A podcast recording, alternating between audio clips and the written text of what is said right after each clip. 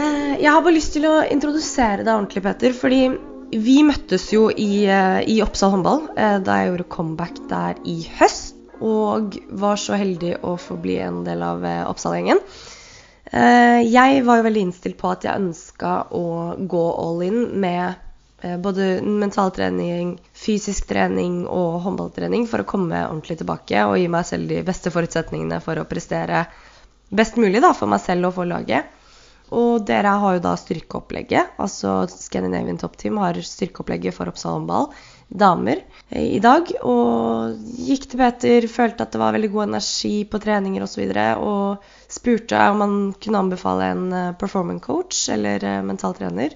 Det kunne han. Han jobber jo med det selv og spurte om jeg kunne tenke meg å prøve med han det var, jeg, det var jeg veldig åpen for. Og, og resten av historien, holdt jeg på å si. Jeg har gått her i høst og fått noen gode uker med refleksjon og målretta arbeid da, med det mentale aspektet av uh, håndball.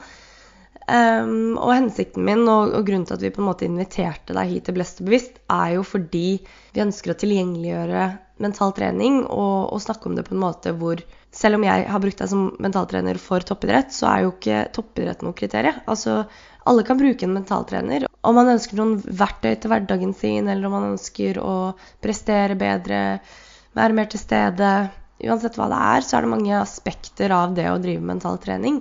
Og det var det vi ønsket at du skulle komme hit og fortelle oss mer om. Um, har du lyst til å introdusere deg selv?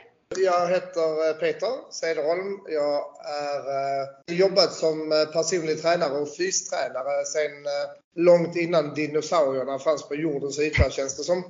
Gjort det i många år och har varit professionell kampsportsutövare och haft en del jobb som har krävt en väldigt sån enorm sinnesnärvaro. Då kom jag ju in på just det här med det mentala då. Det är, det är så mycket att hämta Eh, och de som inte driver på med mental träning eller performance coaching och vill uppnå någonting missar rätt mycket. Och jag började min karriär med att inte hålla på med detta alls. Jag trodde att jag kunde komma hur långt som helst och det märkte jag ju fort att det kunde jag ju inte. Så när jag började jobba med mental träning så blev det ju något helt annat. Jag fick ju en helt annan insikt och en medvetenhet eller en bevissthet som man säger på norska där, i, i min vardag, i min sport, i mitt yrke som gjorde att jag kunde prestera bättre hela vägen. Mm. Och när jag fann ut av det så började mitt intresse för att utbilda mig inom detta. Det blev väldigt stort så jag gjorde det, många olika typer av utbildningar då. Så eh, det var ju på den vägen jag kom in på mental träning och sen började jag jobba lite grann med egentligen eh, några kompisar som var idrottare och så fungerade det väldigt bra. Och så har jag väl sedan den dagen jobbat med mental träning rätt mycket. Så spännande. Så du har på något sätt kommit in på det för det har varit en del av din Eh, på en måte prestasjon, da. Det å, å få topprestasjon. Og så har du lett etter måter for å prestere enda bedre, og så har du kommet inn på dette, og nå deler du det med verden i gåstegn. ja, i alle fall på oss som er her. Hvordan ble du introdusert for mentaltrening du, Jag började leta själv. Jag hade en tränare i thaiboxning som var eh, rätt eh, han var både spirituell eh, men också väldigt intresserad av mental förberedelse inför kamp.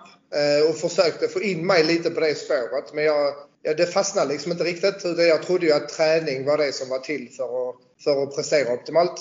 Men när jag gav mig och lät han komma in på mig lite och, och testa så märkte jag att detta fungerar ju. Och jag började med massor med visualiseringar och, och lite sådana ting. Men nu är det många, många år sedan som man gjorde det på lite annat sätt. Man var inte lika man var inte lika bevisst på den tiden när det kommer till mental träning som man är idag.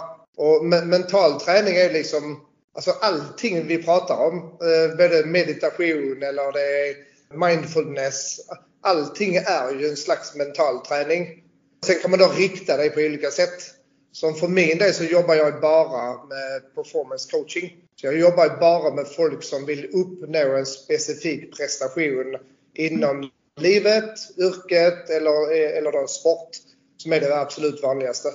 Du, alltså när, du väl har, när du väl har känt den känslan att gör jag på detta viset så presterar jag bättre så kan du inte gå tillbaka. Det går inte. Då, har du liksom, då sitter du fast. Du kan liksom inte, du kan inte springa 100 meter på 11 sekunder och sen bara gå tillbaka till 15. Det fungerar inte. Mm. Så du måste ju gasa på hela vägen då. Så att, eh, ja, det var, det var därför jag kom in på det liksom. Har du några exempel på hur en utøver du har hatt, da har gått fra et sted i sin karriere til plutselig å komme sykt langt da, etter å ha begynt med mentaltrening med deg? Jag har faktiskt ett exempel som jag använder mig väldigt ofta av och det är, eh, jag nämner inga namn, men det är en, en, en thaiboxare eh, från, eh, från Norge som många känner till redan. Då. Men han, han kom till mig och hade aldrig jobbat med mental träning och hade väl kanske inte så mycket, så mycket kontroll på sitt liv som han trodde att han hade. Mm. Eh, och då blev det så att eh, idag har han bytt jobb.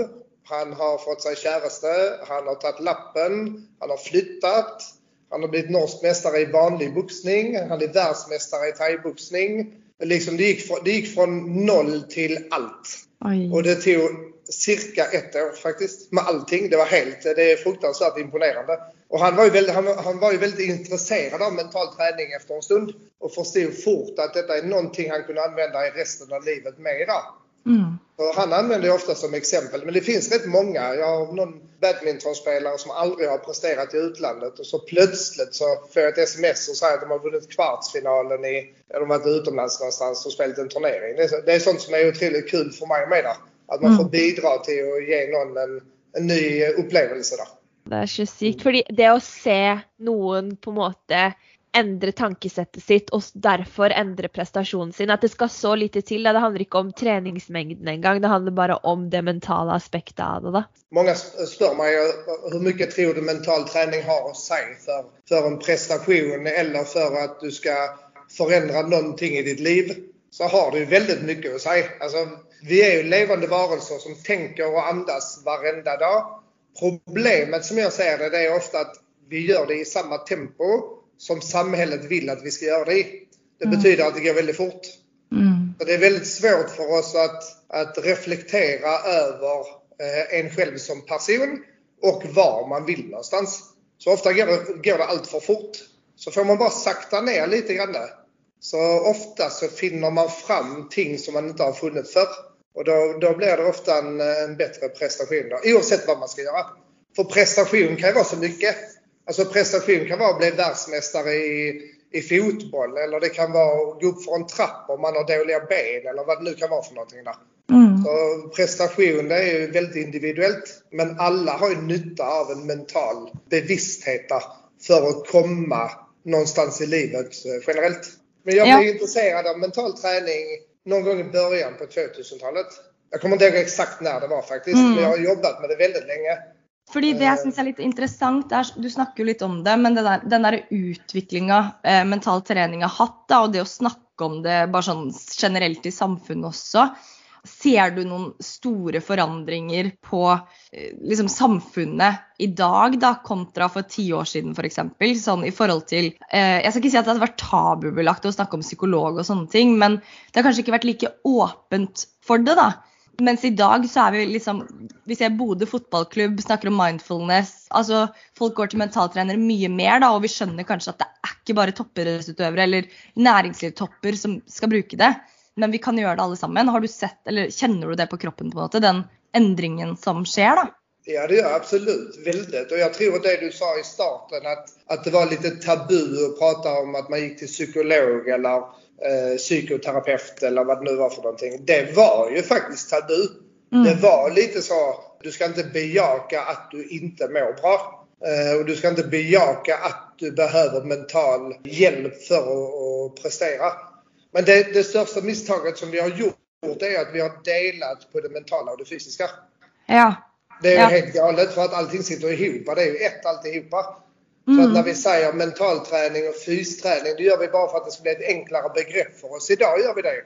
Men förr så gjorde man ju det för att eh, det var lite, det var lite pinsamt att hålla på med, med psykolog eller mentalträning. Ja. Eller, det är väldigt märkligt egentligen. Det är ju där vi befinner oss största delen av tiden. Det är ju inne i hjärnan. Mm. Så jag menar, ja. vi är ju där hela tiden. Det är väldigt märkligt att vi inte skulle bejaka det. Så idag har det blivit något helt annat. Jag jobbar ju inte som psykolog. Jag har inte den utbildningen. Jag är inte intresserad av det heller. Jag vill inte jag höll på att säga jag vill inte få folk till att må bra, det var inte så jag menade. Men, men eh, det är inte mitt fält och jag har inte kompetens inom det. Så jag jobbar bara med folk som ska prestera. Och i mitt fält så märker jag ju väldigt att det är inte bara toppidrottare eller, eller eh, höga ledare i stora bedrifter som tar kontakt utan det är faktiskt alla typer av människor. Jag jobbar idag med, jag har nu två, tre kunder idag som, som inte har en specifik uppgift de ska klara, mer än livet.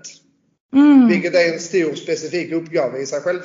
Ikke sant? Og det er Ja. det vi liksom glemmer litt, da, i gåsetegn. At det, det er nok, det å leve. Det å få noen enkle verktøy i hverdagen og sånne ting for å ja, håndtere stress bedre, eller eh, bare få det bedre generelt. Og apropos det, så var jo det også en del av spørsmålene som kom inn. Var, gikk jo på litt eh, rundt selvfølgelig hva er mentaltrening, det har vi vært litt innom. Men også hva kan jeg gjøre da for å gjøre meg selv bedre i hverdagen? Enkle tips og triks. Har du liksom noe Altså det er jo ikke enkelt, men har du, har du noen verktøy du kan dele med oss? Jag skulle vilja säga att det är rätt enkelt. Mm. Det kanske kan framstå komplext, men det är inte så himla, det är inte så himla vanskligt egentligen. Om, om jag jobbar med en kunde för att få dem till att prestera optimalt så är det nummer ett och det är att få dem till att bli bevisst på sig själv som person och få dem till att bli bevisst om hur allting runt dem fungerar. Så att vi har någon, eh, vi har någon startplats.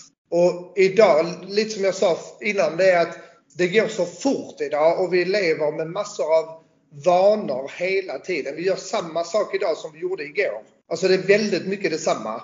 Så vi bara gasar. Vi bromsar aldrig. Vi bromsar aldrig in och saktar ner och tittar vad det är som egentligen händer. Mm. Så det bästa knepet som jag gör för mig själv, som jag känner när jag är lite väl stressad och har för mycket tankar och allting går i 150 km i timmen. Det är att jag gör allting hälften så fort. Jag dricker kaffet hälften så fort. Allting må gå mycket saktare. För då hinner jag reflektera och så hinner jag komma ikapp mina egna tankar och min egen situation som jag är i. Och bara ta det lite grann lugnt. Det händer ingenting. Du missar ingenting. Då blir det lättare för dig att se vad som är runt omkring dig innan du tar nästa valg. Det er jeg helt enig i. Og det å bare At alt skal gå så kjapt hele tiden. Men som du sa, jeg vil bare ta opp den tråden når du sa vi har så mange vaner som er vanskelig å komme ut av, da, fordi de repeterer seg jo bare hver dag hele tiden. Mm. Har du noen tips til hvordan du kan erstatte en vane med en ny vane, eller hvordan du kan endre en vane som du har hatt i la oss si 20 år, da, som er veldig vanskelig å endre? Det är vanskligt att ändra i stort sett eh, alla vanor som man har. Eh, Speciellt om de har suttit i väldigt länge. Men samma sak, du kommer alltid, oavsett vad du stör så kommer du alltid tillbaka till bevissthet. Och det är inte alltid man kan ändra vanorna själv. Man kan behöva hjälp ibland. Så enkelt är det ju. Men jag tror bara det att du, alltså 90% av det ni har gjort idag, 90% av de tankarna ni har haft idag, de hade ni igår med. 10% av det ni har gjort idag är nya tankar. Tänk då om de 90 procenten du gör idag är negativa tankar. Vad händer imorgon då? Då blir det ännu mer negativt. Ännu mer negativt och så ballar det på sig dag efter dag. Om du bara klarar att tänka lite mer positivt eller lite mer förändring, om vi nu snackar om vanor. Pröva att göra en liten förändring idag så kommer det vara lättare att göra samma förändring imorgon. Mm. Men problemet som jag tror många har, till, vi kan ta till exempel folk som ska sluta röka. Det är ett sånt klassiskt ex- exempel där. Nej, jag klarar inte att sluta röka, det är för vanskligt. Vet ni varför de inte prövar? Jo, det är för att de är rädda för att misslyckas. Så om jag prövar att sluta röka, men jag misslyckas med att sluta röka, då är det en negativ sak. Då kommer den att följa med mig imorgon också. Så kommer det bli vanskligare och vanskligare och vanskligare. Men om vi bara tar ett gott val. Jag tar en cigarett mindre idag. Så kanske jag kan ta två cigaretter mindre imorgon. Tre dagen efter det och så vidare och så vidare. Så jag tror ska man ändra en vana så måste man först vara väldigt bevisst på att man har den vanan. Vad den vanan gör med en och vad man skulle vilja göra istället för att ha den vanan. Oavsett vad det är för typ av vana där. Så måste man börja någonstans. Så du må hela tiden ta reda på varför du är där du är. Och det är ju bevissthet. Och när du vet det så kan du göra små, små förändringar. Och det där med att det kan vara måten du snackar till dig själv på. Som du sa, det med att ändra en negativ tanke till en positiv. Som jag för exempel eh, är ett B-menneske, liker å sove lenge, men prøver nå å ha en god morgenrutine hvor jeg står opp litt tidligere, da. Og hver gang jeg står opp, så tenker jeg å, fy faen, jeg er så jævlig trøtt. Og da blir jeg jo trøtt, ikke sant. Så når jeg har prøvd når jeg står opp, så sier jeg 'Å, så, da, så godt jeg sov i natt'.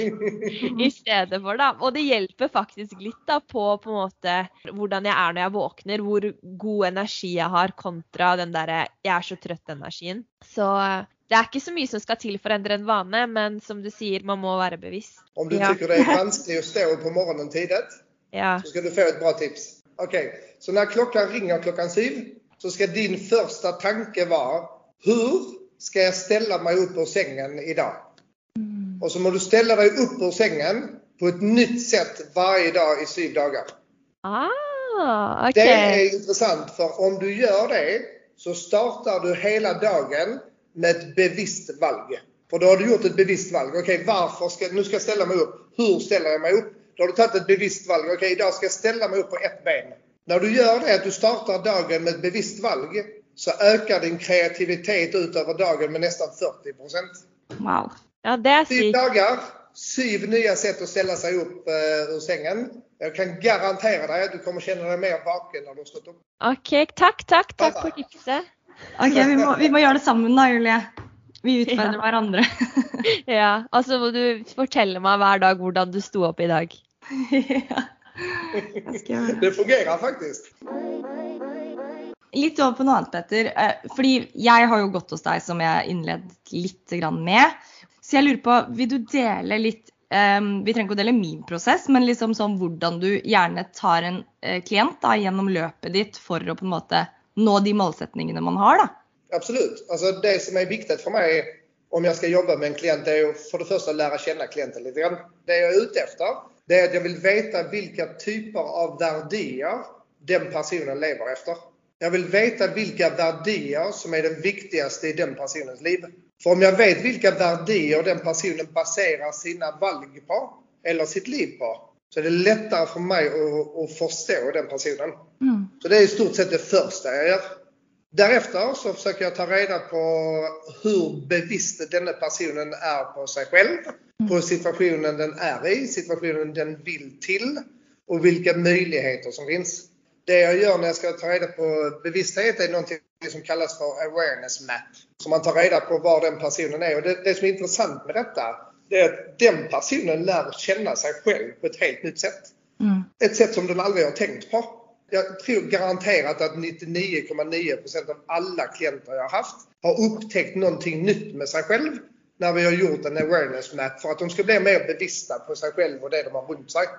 Efter vi har gjort det sen så måste man ju börja gräva riktigt ordentligt av vad den personen egentligen är ute efter. Och det har, tror jag du har nämnt lite grann förr Kaj, att vi, då använder jag ju GROW-systemet som egentligen står för Goal, Reality, Options och, och, ehm, och Will, eller Willingness. Då använder jag det systemet och då får man gärna fram vad personen har för målsättningar, vad de har för möjligheter, hur mycket vilja de har för att uppnå någonting. Och sen så får man då satt ut det som ett, jag brukar kalla det att man skriver ett kontrakt med sig själv. Och det brukar fungera rätt bra för då blir man liksom, oj shit nu har jag signerat det faktiskt, nu måste jag utföra det. Kan jeg spørre om en ting? Hvorfor er det så viktig å sette seg mål som toppidrettsutøver eller som en vanlig person som skal ja, performe bedre, da? Hvorfor er mål så viktig, eller en viktig del av reisen, på en måte? För att det är lätt att förhålla sig till. Det är väldigt lätt att mäta. Jag kan ju direkt mäta om du har klarat att prestera bättre på att löpa 100 meter till exempel. Hvordan setter man seg et godt mål, da? Nej, då tror jag först att vi måste hoppa, hoppa tillbaka igen. Då måste vi först kolla på din verklighet. Vad är, det, vad är det för verklighet du lever i? Vad är, det, vad är det i den verkligheten som bestämmer vilka förutsättningar du har för att nå ditt mål? Verkligheten är det jag alltid baserar allting på först. För de flesta personer har inte koll på sin egen verklighet. De har ofta en dröm och de har ofta en tro, alltså att de tror att de vet. Men när man visar dem den verkligheten de verkligen lever i så ofta förändrar målen sig också. Men jag tror mål är bra för att det är lätt att mäta. Men jag har jobbat med många klienter som inte har ett, ett precis mål. Och jag säger inte att man måste ha ett mål, absolut inte. Men jag tror alla vi människor har en känsla av att vi vill göra ting, eller uppnå ting, eller förändra, eller vara en speciell typ av person. Och då blir det liksom ett mål i sig själv då, oavsett. Även om du inte skriver ner det med tjocka bokstäver så blir det ändå en målsättning. verkligheten är nummer ett. Du måste ta reda på var du är innan du vet var du ska. Ja, och så måste du väl göra något med på måte känslorna dina. Du måste liksom vara knyttet till det målet du har. Då. Du kan inte bara sätta ett mål uten at det skal påvirke hvordan du føl, liksom, vil føle deg. Alltså, en elitidrottare är ju superenkel. För den har ju ett klart mål oavsett. För de ska härifrån till dit. Väldigt enkelt. Men de som inte är det utan de är som vanliga människor. Som inte alltid vet var de ska någonstans. Det er det som er det knepiga. Det er det som er litt vanskelig. Det er godt du sier, fordi det også er noe jeg har lyst til å spørre deg om. Du nevnte det jo litt i Fantastisk helse-podkasten Shoutout som du var med på. Og det, det jeg lurer på er, som toppidrettsutøver Julie også har jo vært håndballspiller by the way, hvis jeg ikke visste det. Og vi er veldig vant til å jobbe med mål, og veldig, veldig klare mål på hva man skal. Sånn, I prestasjonsmessig så er det jo ikke altså vinne eller tape, liksom. Det er, det er ganske tydelig da, hva man skal. Mens eh, når man er ferdig med idrettskarrieren, du snakket litt om det, er, eh, og har vært toppidrettsutøver, veldig vant til å sette mål, veldig vant til å vite hvor du skal, så plutselig står du der, og så er du sånn Oi, hva er målet mitt nå, liksom? Hvor skal jeg? Hva, hva gjør jeg? Hvem er jeg? Fordi man har identifisert seg så sterkt med en idrett over tid. Og hvordan jobber man da? Det är väldigt, väldigt vanligt. Vem är jag om jag inte är handbollsspelaren Kaja till exempel? Ja, vem är du då? Eh, det är ingen som klappar för dem när de kommer hem från jobbet. Det är ingen som, mm. som, eh, som slår dig på axeln och säger herregud vad du var flink eller du får inte samma eufori av att sälja en dammstövsugare som att göra mål när du spelar handboll. Liksom det, det blir lite annorlunda. Eh, och det är just därför det finns så många bedrifter idag som tar hand om de toppidrottarna för att få dem till att komma in i, i arbetslivet på ett helt annat sätt. Men det man ofta ser det är att de bedrifterna de utvecklar enorma mängder ledare. Så många idrottare är perfekta som, som ledare. Så det är väldigt likt egentligen. Tänk själv, du ska prestera på topp. Det skulle ni bägge två i handbollen. Ni ska prestera, det ska ni göra på jobbet med. Det är relativt likt. Mm. Och är man strukturerad som idrottare så är det rätt lätt att bli strukturerad i en bedrift också beroende på vilken roll du har såklart. Men på något sätt kan man alltid strukturera och därför så gör de sig ofta väldigt bra som, som ledare i företag. Då. Ja. Jeg føler det er veldig lett å liksom Når ting går på skinner og du føler du ser framgang og det går bra for deg, og da er det lett å være positiv og hei og hå. Mens med en gang du takler motgang, det er da den virkelig mentale delen blir satt på prøve, da. Så har du noen gode tips til, til hvordan takle motgang, og hvordan komme seg over den kneika, hvis man kan kalle det det? Jag tror för det första att om du möter motgång som vi alla gör i livet. Det finns ingen som kommer undan det. Det spelar ingen roll hur mycket pengar du har eller var du bor någonstans. Eh, och är man inte van vid att möta motgång och man inte vet vad man ska göra med det så kan det vara väldigt skummelt där det känns som att man måste köra huvudet i sanden och gömma sig. Man vet inte vad man ska göra för någonting. Men jag tror att om man börjar med att ta det lite lugnt och ta fram det som man egentligen inte vill ha i sitt liv. Och att man börjar med att definiera vad är det jag inte ska fokusera på. Ja, då fokuserar man på det just då. Men jag tror att kan du definiera det. Att detta här vill jag inte ha. Detta ska jag inte vara med om. Så vet du i alla fall vad du inte ska fokusera på. Och sen får du ta fram det du ska göra och så måste du börja, börja fokusera på det då. Och då är du direkt tillbaka till bevissthet igen. Men jeg hadde en mentaltrener når jeg spilte håndball, som faktisk moren til Nora, eh, Tiril Mørk. Og hun sa alltid at jeg, vi ikke skulle bruke ordet 'ikke', fordi manif da manifesterte vi det. Hvis vi hadde et mål, eller hvis vi spilte håndballkamp, da, så kan du ikke tenke 'jeg skal ikke skyte opp', eller 'jeg skal ikke skyte der', eller 'skru', eller Fordi da gjør du det automatisk. Men det er så... det jeg sier. Okay. Och det du har gjort innan den kampen och långt innan dess kanske, det är att du har tagit bort alla de här grejerna som du inte ska tänka på. Och så ska du tänka på det du ska utföra, dit du ska, det du ska göra för att nå dina mål. Men så samtidigt då, om vi bara skjuter undan allting som vi tycker är jobbigt, då tror jag det exploderar till slut. Jag tror vi måste ta tag i det någonstans. Men jag tror precis som du säger att att ska jag eh, skjuta som handbollsspelare så ska jag fokusera dit bollen ska, inte dit den inte ska. För då kommer den garanterat att träffa där den inte ska träffa. Och det, det märker vi ju väldigt. Jag, jag, jag har tränat ett, eh, ett yngre handbollslag. Jag är inte handbollsspelare själv, men jag har varit med dem på träningarna ofta. Och det, då säger de ofta, skjut inte på målvakten. Nej. Och så kommer 9 av 10 bollar mitt på målvakten, eller hur? Så det, det blir lite grann så. Jag tror att man ska fokusera på det man ska göra och det man vill utföra. Men jag tror man ska vara bevisst om vad man ska välja bort som man inte vill ha med sig. För då blir det också lättare att få definiera vad man vill ha. Jeg har litt lyst til å ta noen av spørsmålene som eh, vi fikk på Instagram også. Um, fordi det er, det er, gode spørsmål. Uh, og hvordan jobber du med å komme tilbake til nået i, eh, i stressa situasjoner?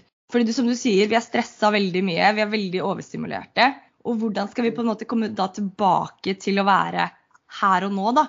Og i idrett så gjør man jo veldig mye det. fordi hvis du ikke er til stede på banen, eller på håndballbanen, så klarer du ikke å prestere fullt. Fordi da ser du ikke hva som skjer. Da er du ikke i den idretten. ikke sant? Så vi har jo vokst opp med å høre om at vi må inn i sonen. Vi må være der, vi må være til stede. Men vi har ikke tenkt over det på samme måte i livet før nå eh, de siste åra, spesielt Julie og jeg. Og hvordan jobber man med det i situasjoner da i det dagligdagse livet? Hva spørsmålet? Personligen så använder jag mig väldigt mycket av olika pustetekniker. Eh, bara för att roa ner eh, både tankar men också puls. Eh, jag gör samma sak när det kommer till träning eller förr i tiden i kamper. Så använder jag mig av samma sak. Väldigt mycket olika typer av pustetekniker för att kunna samla mig igen. Mm. Det håller att jag gör det i, ja, ibland är det bara en, två, tre minuter upp till kanske 20 minuter beroende på hur mycket tid jag har och var jag är någonstans. Nu har jag ju flaxen av att jobba på ett träningscenter så jag kan gå in och låsa in mig i ett eh, mörkt rum och lägga mig på en mjuk matta och slappna av om jag vill. Men jag kan också göra det även om jag sitter i ett möte. Om jag sitter i ett möte och känner att jag är stressad och att jag inte riktigt har kontroll på mina tankar och att det spritter åt alla håll och kanter så kan jag enkelt bara använda några enkla pustetekniker för att komma tillbaka. Och det jag ofta gör, det finns, ju, det finns ju tusentals olika sätt. Men för mig så fungerar det väldigt bra att eh, köra en klassisk eh, pusteteknik som att andas in genom näsan 4 sekunder, hålla pusten i 7 sekunder och sen bara blåsa ut det genom munnen. Mm. För då ser jag direkt att min puls faller. Och det räcker ibland att jag gör 5-6 sådana eh, eh, vad säger man, pustetag på norska? Andetag säger man på svenska. Att jag pustar så 5-6 gånger. Just, ja. Mm. ja. Eh, och som gör att jag kommer ner, i, eh, ner på jorden igen. Bara för mm. att precis få slappna av lite grann. Mm. Samma sak fungerar på träningar eller på kamper för den sakens skull för dig som fortfarande spelar handboll. När man kommer på bänken att man tar 5-6 eh, stycken andningar och så helt plötsligt är man nere igen. Det brukar jag göra för mig själv. Plus att det som jag sa innan att jag brukar sakta ner allting. Jag gör allting mycket saktare än vad jag gör i vanliga fall. Men det är vad jag, det som fungerar för mig personligen. Det är mm. väldigt individuellt hur folk reagerar på olika ting. Själv är jag en människa som pratar fort och högt. Så för att jag själv ska komma ner på jorden ofta så måste jag sänka hastigheten på mitt samtal. Mm. Och så måste jag prata lite laddare. Och så måste jag pusta lite. Och så helt plötsligt så är jag tillbaka där jag borde vara. Men det är mig. Man ja, må hitta sin egen teknik men jag tror att pustetekniker tror jag fungerar faktiskt för de flesta. Det är väldigt fint. Vi har snackat massor om det och jag har läst en del om att det tar 90 sekunder att reglera nervsystemet. Så det mm. att liksom bara få pusta utan att tillägna massa tankar, om du är sint eller lei dig eller sur eller vad nu en slags känsla som gör att du känner dig lite utav balans då. Så mm. det att bara pusta och roa det nervsystemet i ja, halvannet minut basically, så er du mye mer i stand til å ta gode valg, da. Istedenfor å bare gå på den derre Nå er jeg sinna, og så bare ja, kommer det ut masse man ikke ønsker å si egentlig, da. Det är väldigt mycket folk som handlar i affekt. Mm. Alltså att när man känner en känsla så handlar man direkt utifrån känslan. Mm. Och i stort sett så blir det ofta fel. Eh, kanske inte väldigt fel, men det blir i alla fall lite fel. Och ibland är det ren katastrof. Har du et vendepunkt i ditt liv hvor du bare gikk fra å være på autopilot og programmert og full speed hele tiden, til at du bare Oi, shit, nå må jeg bli bevisst på hva jeg gjør og valgene jeg tar, og komme tilbake til nå, da? Er det noe du husker selv i ditt eget liv, hvor du bare OK, pause, reset och begynne på nytt på en måte? Ja, det är så kul att du säger det. För jag tänker på det rätt ofta. För att Eh, som person så kör jag alltid 100%. Eh, och det är ingen bra idé alls. Jag kör rätt in i väggen varje månad. Och sen så pustar jag i tre dagar. Och sen kör jag 100 km i timmen. Rätt in i väggen igen. Och så pustar jag i tre dagar. Så jag skrattar alltid åt mig själv när jag får det spörsmålet.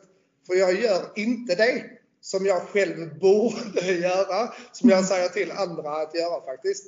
Så jag tar mig i det i stort sett en gång om dagen. Så tänker jag, okej, okay, där kom vändningen. Nu pustar du Peter. Men om jag ska säga ett livsavgörande där jag kände att okej, okay, nu snudde livet. Så var det nog den, eh, den perioden när jag lärde känna mig själv ordentligt. När jag inte behövde bevisa för någon vem jag var. Eh, jag prövade, prövade inte att imponera folk överhuvudtaget. Utan jag kände att jag levde för eh, mig själv och min familj och, och, och det jag gör idag. Då. Och det var faktiskt inte förrän jag var över 40 år. Och hade jag varit bevisst och lite bläst, då hade jag gjort det långt innan. Mm. Eh, men jag hade, inte den, eh, jag hade inte tillräckligt mycket kunskap i att göra det för mig själv, som jag hjälpte andra med att göra. Och det var inte överraskande. Men det, gick från, det var från den ena dagen till andra. Plötsligt så kände jag bara att jag hade den insikten och den eh, erfarenheten och kunskapen att oj, shit, nu, nu har jag landat. Och det tror jag inte du kan få om du inte eh, erkänner för dig själv vem du är. För det ja. tror jag är superviktigt. Mm. Och du kan ju inte ändra något du inte är bevisst på.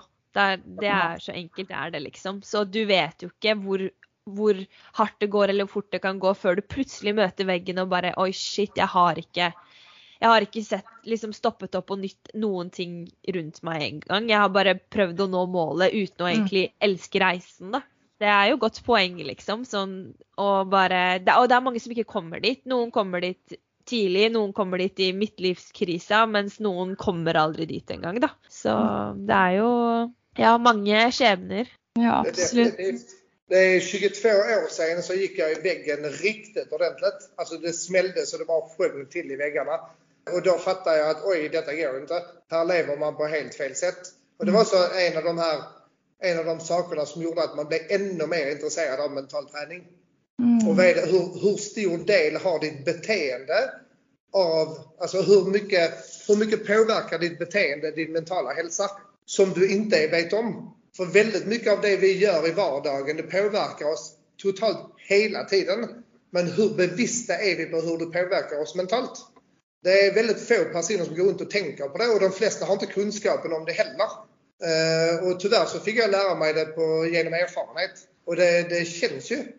Men samtidigt, när du kommer ut på andra sidan så är du betydligt mer kunskapsrik, mer erfaring i bagaget och du är en betydligt starkare person. Så, men även om det inte är någonting jag rekommenderar för folk att gå i väggen, för det är jäkligt eh, dumt att göra det. Men idag finns det så mycket hjälp att få så man mm. slipper faktiskt göra det. Och idag är det öppet att prata om allt. Idag är det nästan ingenting som är tabu och det är väldigt fint. Ja, och jag tror det är väldigt vanskligt att skulle lära bort något eller vara en mental tränare och vad ska jag säga, preacha om något och lära något vidare utan att själv ha varit där och följt på det. Då. Och det är ju väldigt vanskelig også att berätta någon hur de ska vara i den och den situationen utan att de har varit i den och den situationen. Så man måste liksom ofta gjenoppleve det og gå igenom det själv før man i det hele tatt har erfaringen da.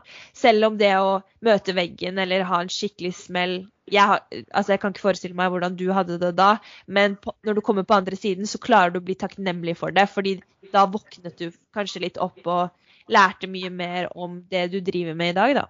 Det blir, det blir ju ett verktyg som du tar med dig.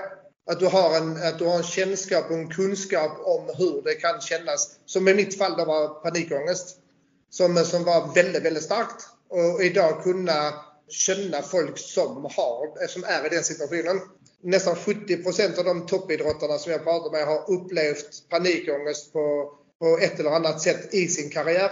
Och som, som, precis som jag när, jag när jag hade det, trodde att de var ensamma i hela världen om att känna på det viset. Och man tror att nu blir jag inlagd, för nu håller jag på att bli galen liksom. Eh, vilket inte är fallet överhuvudtaget utan det är bara hjärnan som säger till att nu får du, nu får du lugna ner dig lite grann. Nu måste vi fixa detta. Så, så det blir ett väldigt starkt verktyg att ha med sig när man ska jobba med andra människor såklart. Definitivt. Så jag tror jag har nu kunnat bidra en del på det med de klienter jag har haft. Eh, men så samtidigt under vägen när man har jobbat med detta så har man ju lärt sig otroligt mycket. Precis som i alla andra jobb. Så är det ju. Men det ska sägas som är väldigt viktigt är att performance coaching har ingenting med hälsa att göra. Eh, för det är många som har tagit kontakt och sagt att ja, jag mår inte helt bra, kan du hjälpa mig? Och då är svaret det kan jag tyvärr inte för jag är inte psykolog och jag har inte den kunskapen som behövs för det. Performance coaching handlar bara om att få en person till att prestera bättre. Sen givetvis så, så försöker man få folk till att må bra samtidigt men om de inte har ett hälsoproblem så är det lite lättare för mig i alla fall att jobba med, jobba med det. Har du någon tips till någon som sliter med angst eller panikangst till hur man eh, dealar med det? Man vet ju att detta, denna känslan inte kommer att döda dig eller att detta är en irrationell känsla, men man klarar på något sätt inte att det är inte så lätt att komma ut av den känslan. Da. Og jeg vet att det är många som sliter, sliter med det i dagens eh, samfunn, eh, både unga som äldre. Eh, så om du har några tips til hur du kom ut av det, eller hur du tipsar de du, kundene dine, da, eller klientene dina heter det kanskje? När jag själv upplevde det så gick jag runt i fyra månader och trodde att jag var ensam i världen om den känslan. Eh, den dagen jag satte mig ner och faktiskt berättade att så här känner jag, så var det någon som sa till mig att eh, ja men det har jag också gjort. Så har jag också känt. Och sen fick jag reda på att 75% av alla europeer får panikångest någon gång i sitt liv. Då kände jag att jag inte var så ensam i alla fall. Eh, så mitt tips eh, nummer ett, det är att prata med folk. Mm. Berätta att du känner så. Det är ingen skam i det. Det är samma sak som om du ramlar och slår knät. Att du har ont i knät, det kan du säga till vem som helst. Det är inte så illa. Jag tror att för mig var det det som var liksom lösningen på, på alltså inte lösningen på problemet, men det var lösningen på starten på problemet. Så när jag öppnade munnen och berättade att jag faktiskt kände så här så fick jag mycket mer förståelse än vad jag trodde att jag skulle få. Eh, jag fick mycket mer information än vad jag trodde att det fanns. Mm. Eh, och sen uppsökte jag hjälp. Eh, då gick jag faktiskt till en gestaltterapeut. Om du frågar mig idag vad det är för någonting så vet jag faktiskt inte riktigt. Men det fungerar i alla fall. Jag blev, jag blev sedd, jag blev hörd jag fick reda på att andra hade detsamma. Och bara det lilla gjorde att min panikångest la sig lite grann mer. Och sen lärde jag mig leva i situationen när känslan kom. Just det du sa. Den dödar mig inte. Den är inte farlig. Den bara är där. Mm. Så när den kom så bjöd jag in känslan till att komma och sa att då är det bara att hälsa på dig. Så får vi se vad som händer när du kommer in.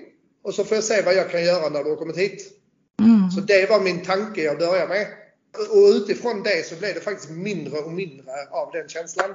Men jag tror att har du haft panikångest någon gång i livet så är det nu lätt att du får det igen.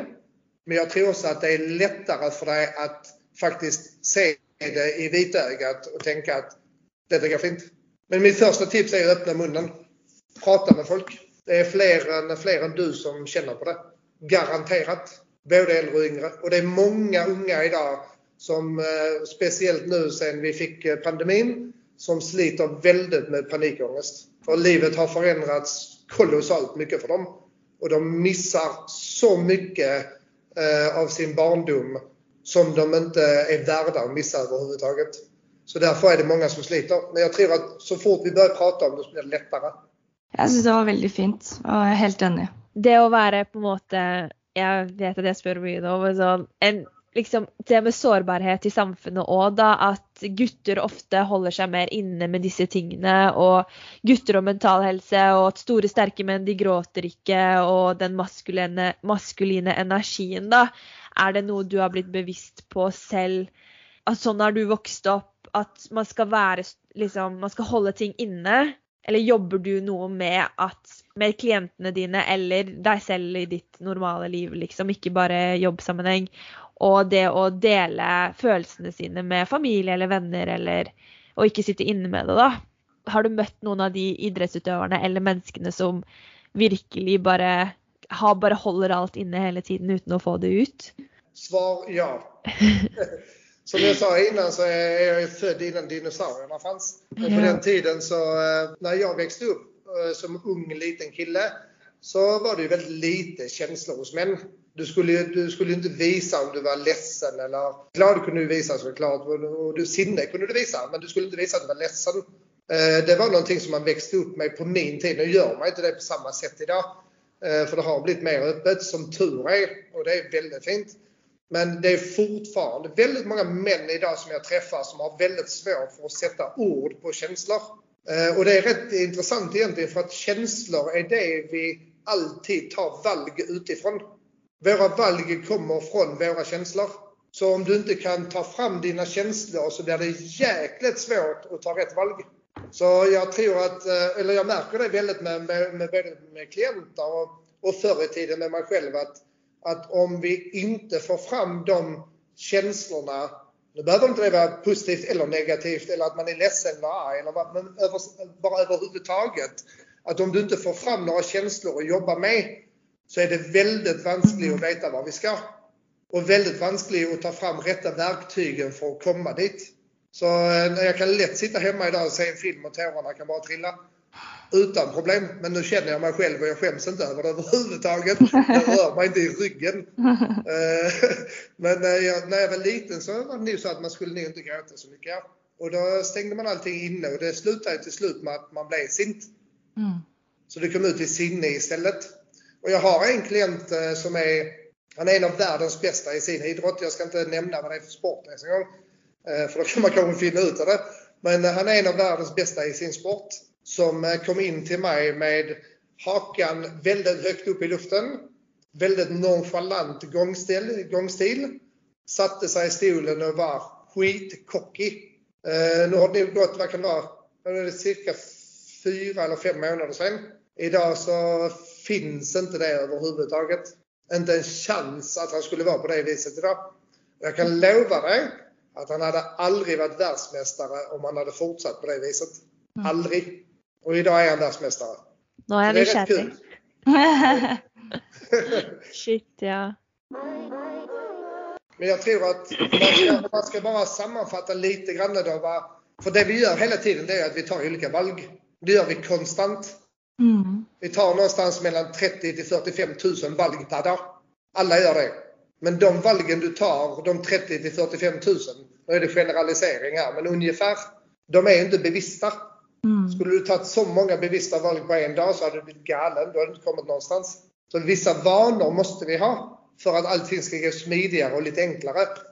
Men man tar cirka, detta är, detta är en, en arti vetenskaplig artikel som kom 2019 tror jag, det var jag inte helt säker. Det var 17 eller 19, men att man tar mellan 5 till 12 bevissta valg per dag. Och det betyder att du väger valgen upp mot varandra. Ska jag välja detta eller detta? För och nackdelar med att välja de här. Det är ett bevisst valg och så väljer du en av dem. Då har du tagit ett bevisst valg. Tänk att du gör mellan 5 till 12 sådana per dag av 30 till 45 000 valg. Vad händer då tror ni om vi ökar de bevissta valgen till 20 bevissta valg per dag? Vad händer då? Bättre vardag. Garanterat mm. en större framgång. 100% säkert. Mm. För då är du mer bevisst på varför du väljer det ena eller det andra. Och är du mer bevisst så tar du bättre valg som gynnar din målsättning. Då är det lättare att komma sig dit och sen sätta sig ett nytt mål. Och ta vi... de valgene som gagnar dig bäst, för du faktiskt väljer. Mm. Yes, du väljer utifrån att du är bevisst som person. Och då är det lättare för att nå fram. Enkelt va? Det høres veldig enkelt ut. Jeg tenker nå skal jeg trene, eller skal jeg sette meg på sofaen? Jeg vet ikke. Jag ska träna direkt efter vi är färdiga. Det har jag tagit ett bevisst valg om. Bra. Ja, bra. Tusen hjertelig takk for at du ble med, Peter. Det har vært eh, supergivende å ha deg med. Har du, noen, har du noen ting du har lyst til å dele til slutt? Noen tips, triks, eller uh, har vi vært gjennom det meste? Vi har, vi, har, vi har långt ifrån varit igenom det mesta, men vi har varit igenom rätt mycket. Mm. Jag tror att eh, de tipsen med att sakta ner lite grann, pust med magen, ta dig god tid till att pusta lite. Ta reda på var du är i livet mm. och varför du är där. För att sen ta dig vidare till nästa målsättning. Då har vi i alla fall tre tips som kommer från mig. Ja. Och så öppna munnen och be om hjälp. Ja, absolut. Tusen tack. Jättebra, goda tips och tack för att du delar så mycket. Det Mm. var Ja, eh, väldigt fint. Veldig. Det hade, det hade man ju inte gjort för 20 år sedan, men idag gör man det.